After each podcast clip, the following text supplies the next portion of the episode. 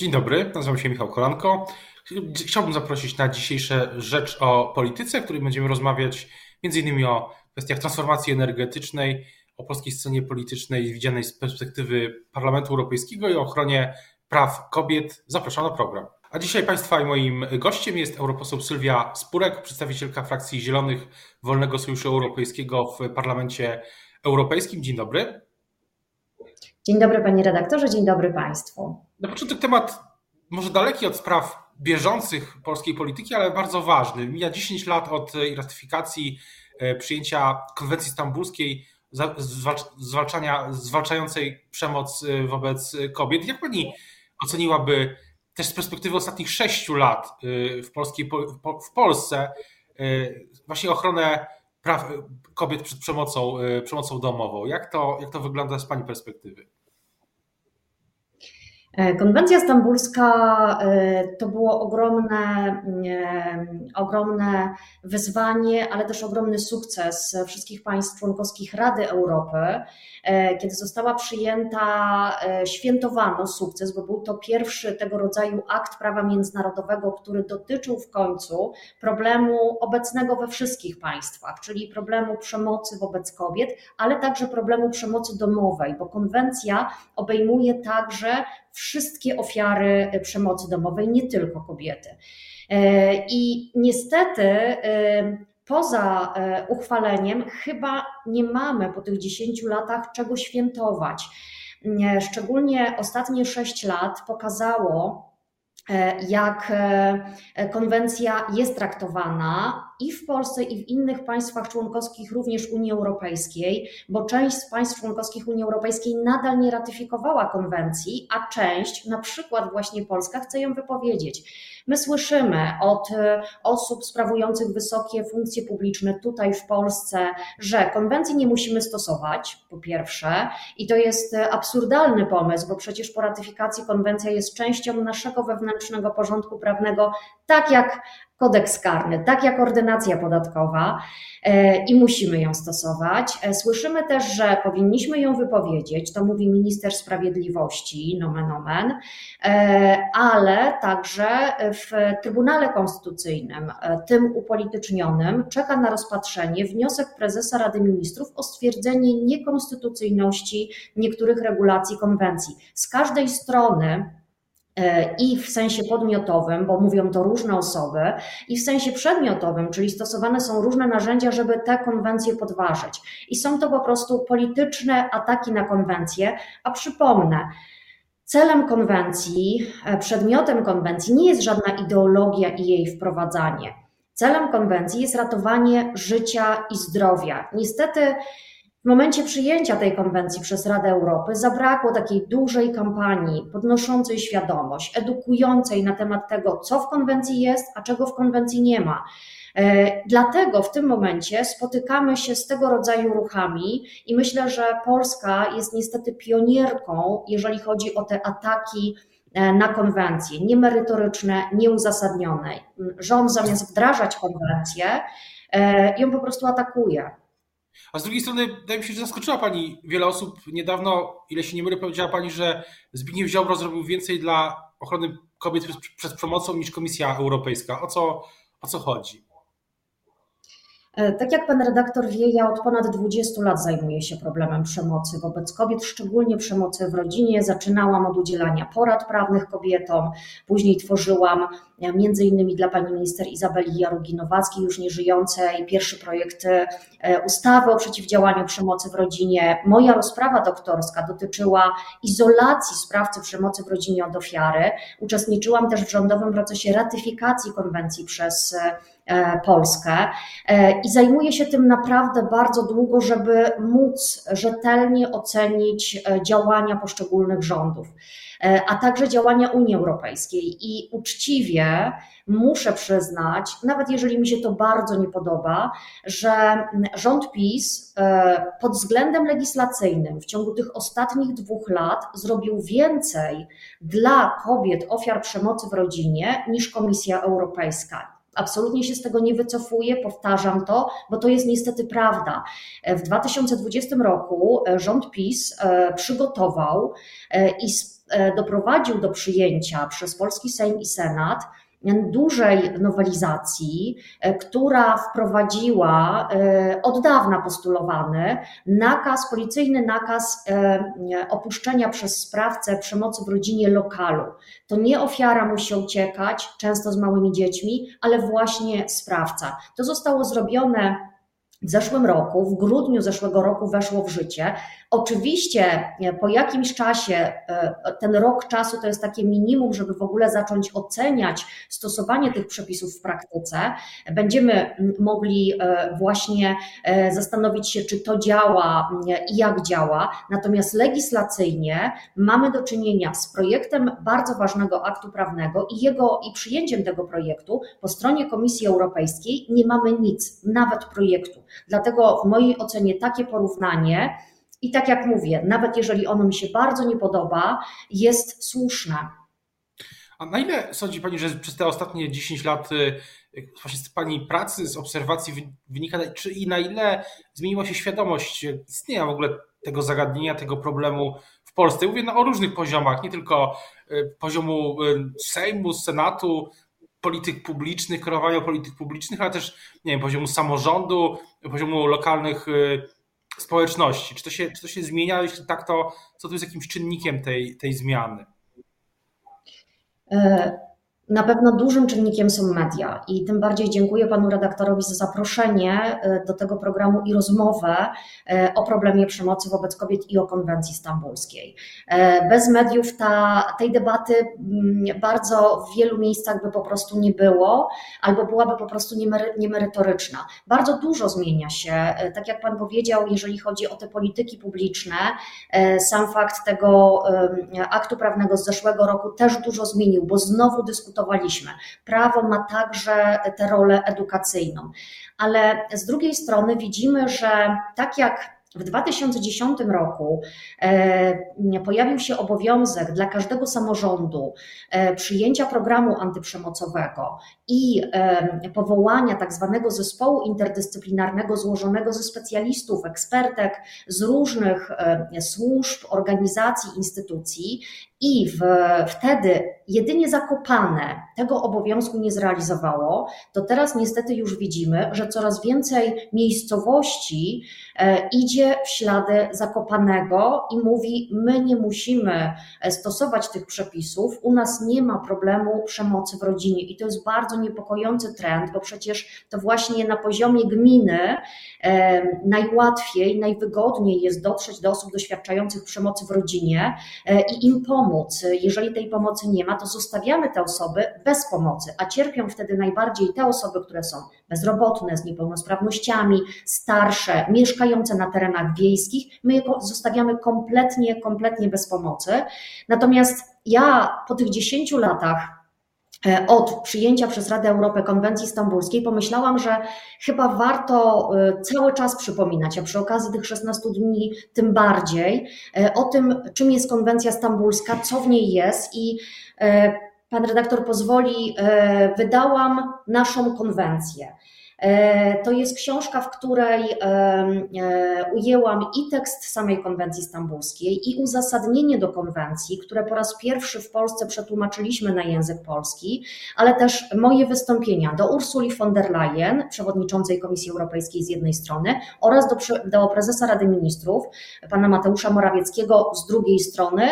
I z każdej strony mówię, nie atakujmy konwencji, e, ratyfikujmy konwencję przez Unię Europejską, róbmy wszystko, żeby ten problem przemocy wobec kobiet w końcu zaczął być skutecznie zwalczany. Na ile Pani zdaniem też obserwując polską scenę polityczną, że czy, czy waga tego tematu jest y, doceniana przez, przez polską, polską, polską opozycję w Sejmie, y, taką y, to, tą opozycję właśnie demokratyczną? E, ja oczywiście z e, ogromną satysfakcją obserwuję, że wiele moich koleżanek, które e, zanim weszły do polityki działały na rzecz praw kobiet, jest teraz w Sejmie i tam, i tam podnosi cały czas ten temat. Jest świetna Anita, doktor Anita Kucharska-Dziedzic, która tworzyła organizację BABA w Zielonej Górze. Są inne posłanki, które na co dzień wcześniej pomagały osobom do doświadczającym przemocy w rodzinie, kobietom. I one pilnują tych tematów, one się tym zajmują. One na przykład przygotowują projekty ustaw, które dotyczą zmiany definicji przestępstwa zgwałcenia, znamion tego przestępstwa w kodeksie karnym, bo ona jest niezgodna ze standardami właśnie konwencji stambulskiej. Natomiast mam wrażenie, że na razie na opozycji i w ogóle w Sejmie mm, widzimy takie gaszenie pożarów, bo jest e, pandemia COVID-19 e, i są te nieustanne przepychanki, co zrobić, jak zrobić i co lepiej zrobić. W tym momencie no, mm, dość naszą, naszą uwagę przykuwały oczywiście kwestie związane z projektem E, ustawy antyaborcyjnej, antyaborcyjnej w ścisłym tego słowa znaczeniu i tym się zajmuje, tym się zajmuje e, także opozycja ale reaktywnie, to znaczy reagując po prostu na to, co się, co się wydarza, e, komentując i recenzując, co oczywiście jest także potrzebne, działania władzy. Inny temat, którym, którym się Pani zajmuje też przestrzeni publicznej, to jest kwestia wyzwań który niesie ze sobą e, transformacja energetyczna, czy zielona transformacja, zwłaszcza w sferze rolnictwa. I zastanawiam się, czy wiele osób myśli, może sobie może się zastanawiać, też czytając e, różnego rodzaju teksty, opracowania, słuchając tej debaty, czy to jest nie, Pani zdaniem nieuniknione, że w perspektywie nie wiem, dekady, dwóch dekad e, ta transformacja, zwłaszcza w sferze rolnictwa, jak mówiłem, nie, będzie niosła ze sobą bardzo poważne zmiany w naszym Y, no, ogólnym, y, że tak się wyrażę, stylu życia, jeśli chodzi o, zwłaszcza jeśli chodzi o no, no kwestie zdrowej, kwestie żywności, stylu życia, jeśli chodzi o transport i tak dalej. Czy tak y, rzeczywiście musi być, Pani zdaniem? E, musi być i im szybciej się z tym pogodzimy, tym lepiej. E, w mojej ocenie w tym momencie dwa najważniejsze problemy, e, którymi politycy, polityczki powinni się zająć, to jest walka z katastrofą klimatyczną i walka z rosnącymi nierównościami społecznymi. I wszystkie inne kwestie są albo z tym bardzo ściśle powiązane, albo powinny, y, powinny być traktowane jako drugorzędne. Katastrofa klimatyczna ma właściwie trzy twarze. To jest kwestia transformacji energetycznej, to jest kwestia zmiany modelu, obecnego modelu transportu, i to jest po trzecie ten temat, który pan redaktor wywołał, czyli transformacja ewolucja modelu, obecnego modelu rolnictwa. Bez tych trzech elementów nie będziemy skutecznie walczyć z katastrofą klimatyczną. Przypomnę, że Przecież emisja gazów cieplarnianych przez rolnictwo e, to jest ten sam poziom emisji, co emisje trans, całego transportu razem wziętego.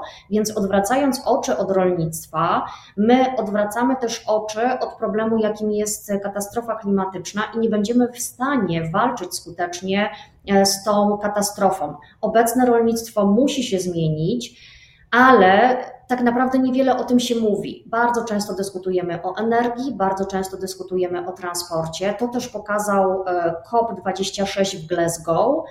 Niewiele e, dyskutujemy, bardzo mało osób o tym mówi o rolnictwie i o tym, że rolnictwo się musi zmienić. I to mi niestety przypomina e, dyskusje, które pan redaktor też pewnie świetnie pamięta, wokół, dyskusje w Polsce wokół odchodzenia od węgla. E, ja pamiętam polityków, którzy jeździli na Śląsk z okazji zresztą zbliżającej się teraz też barburki, e, siedzieli z górnikami, e, jedli, pili, śpiewali z nimi i ich po prostu oszukiwali. Gdyby 20 lat temu rządzący, politycy i polityczki powiedzieli: odchodzimy od węgla, wyznaczamy deadline, E, i wyznaczamy harmonogram tego odchodzenia, zamiast oszukiwać e, górników, bylibyśmy w tym momencie w zupełnie innej sytuacji, jeżeli chodzi o e, sprawiedliwą transformację sektora energetycznego. Ale Teraz jedna, rzecz, jedna rzecz, ale podejście od węgla to jest też to, to jest, kojarzy się z wyzwaniem dla firm, dla gospodarek, z czymś, co czymś zarządza państwo i myślę, że dla obywateli oczywiście kwestia zanieczyszczenia powietrza, jest, jest ważna, ale to, o czym Pani mówi, ten trzeci element, trzeci filar tej transformacji, czyli kwestie rolnictwa, są no, bezpośrednio powiązane ze, ze stylem życia. Na przykład politycy PSL-u mówią, tak się wydaje, w kontrze do, do Pani, że będą bronić, tutaj cytat, prawa do jedzenia w niedzielę kotleta. Koniec cytatu. Co pani na to? No, ja się uśmiecham, bo oczywiście e, politycy PSL-u i to jest bardzo smutne e, i, i, i, ja z dużym smutkiem naprawdę obserwuję e, ostatnie działania, ostatnie wypowiedzi polityków PSL-u, sprowadzają sami siebie do obrońców kotleta i rosołu. Ja nie mówię o talerzu, ja nie mówię o kotlecie, ja nie mówię o rosole. Ja mówię o katastrofie klimatycznej, o zanieczyszczeniu środowiska, o, o ogromnym wykorzystaniu e, i traceniu zasobów typu woda, o emisjach gazów cieplarnianych, e, metan, o niezdrowej żywności, o antybiotykooporności, bo przecież pamiętajmy, jak ogromna ilość antybiotyków, e, tych przeznaczonych także do leczenia najpoważniejszych chorób u ludzi jest e, wkładana e, w hodowlę zwierząt, co powoduje, że następnie nie mamy czym leczyć ludzi, e, bo ci ludzie po prostu nie reagują. Te, te bakterie, które wywołują konkretne choroby, nie reagują na te antybiotyki. Ja mówię też o jakości życia ludzi mieszkających na wsi, w pobliżu farm przemysłowych i to w pobliżu nie oznacza za płotem, oznacza nawet do kilkunastu, kilkudziesięciu kilometrów od tych farm przemysłowych. E, I Strasznie mi przykro, że e, partia, która naprawdę mogłaby odegrać ogromną rolę, jeżeli chodzi o rozwój wsi, reprezentowanie interesów e, ludzi mieszkających na wsi, nie tylko rolników, rolniczek, reprezentuje de facto, jak wynika z ich wypowiedzi, interesy przemysłowego lobby, dużych biznesów, które nam szkodzą, wszystkim nam, planecie, środowisku, ludziom i sama siebie sprowadza do tych sojuszników i sojuszniczek kotleta e, i rosołu i e, mówi o tych talerzach, a nie mówi po prostu o, o prawach ludzi, którzy mieszkają na wsi i nie chce rozmawiać o tym, jak rozwijać wieś, żebyśmy jednak z tą wsią weszli w XXI wiek. No, ale też w tym, w, tym, w tym nurcie. Rozmawiałem niedawno z liderem innego ugrupowania, które jest mocno zakorzenione na wsi, ale nie tylko na wsi, czyli z Agrounii, z liderem Agrounii Michałem Kołodziejczakiem. Michał Kołodziejczak powiedział mi, że w wywiadzie dla Rzeczpospolitej, że on będzie chciał pilnować tego, żeby e, w ogóle w Polsce, nie tylko na wsi, ale pracownicy, e, rolnicy, przedsiębiorcy nie stracili na tej e, transformacji ogólnie, żeby, żeby to nie było tak, że rolnicy w Polsce staną się po zakładnikami dużych korporacji. Uważa Pani, że taka transformacja, taka uczciwa, jak mówi Michał Kołodziejczak, jest, na czym, na czym powinna polegać?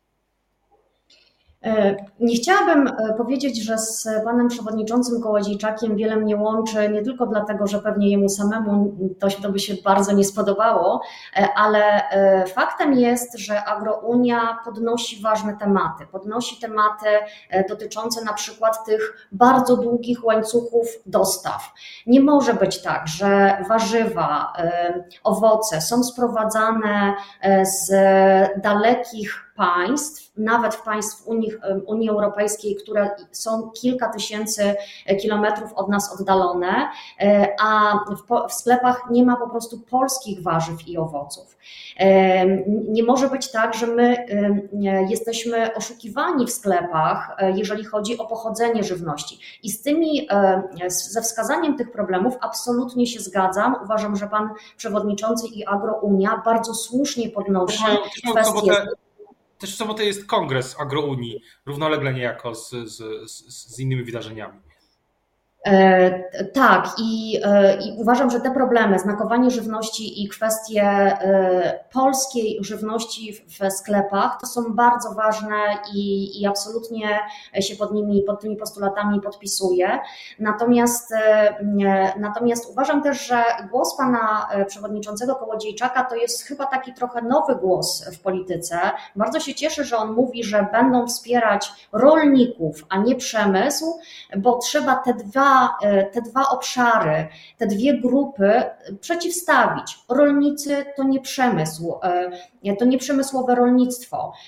Natomiast zastanawiam się, czy Agrounia e, nie powinna właśnie e, w celu podnoszenia tych słusznych postulatów znaleźć się w Sejmie, niestety, znowu powiem to ze smutkiem, zamiast PSL-u, bo z tym PSL-em, z tymi e, tezami, które są stawiane obecnie przez liderów PSL-u, my naprawdę nie będziemy ani skutecznie walczyć z katastrofą klimatyczną, ani skutecznie reprezentować interesów osób e, mieszkających na wsi, ale też trochę wrócę do początku naszej rozmowy. Zastanawiam się, jak PSL e, zagłosowałby w sprawie prawa do aborcji, e, jak zagłosowałby za kwestią dotyczącą praw osób nieheteronormatywnych, za związkami partnerskimi, małżeństwami, za godną procedurą uzgodnienia płci.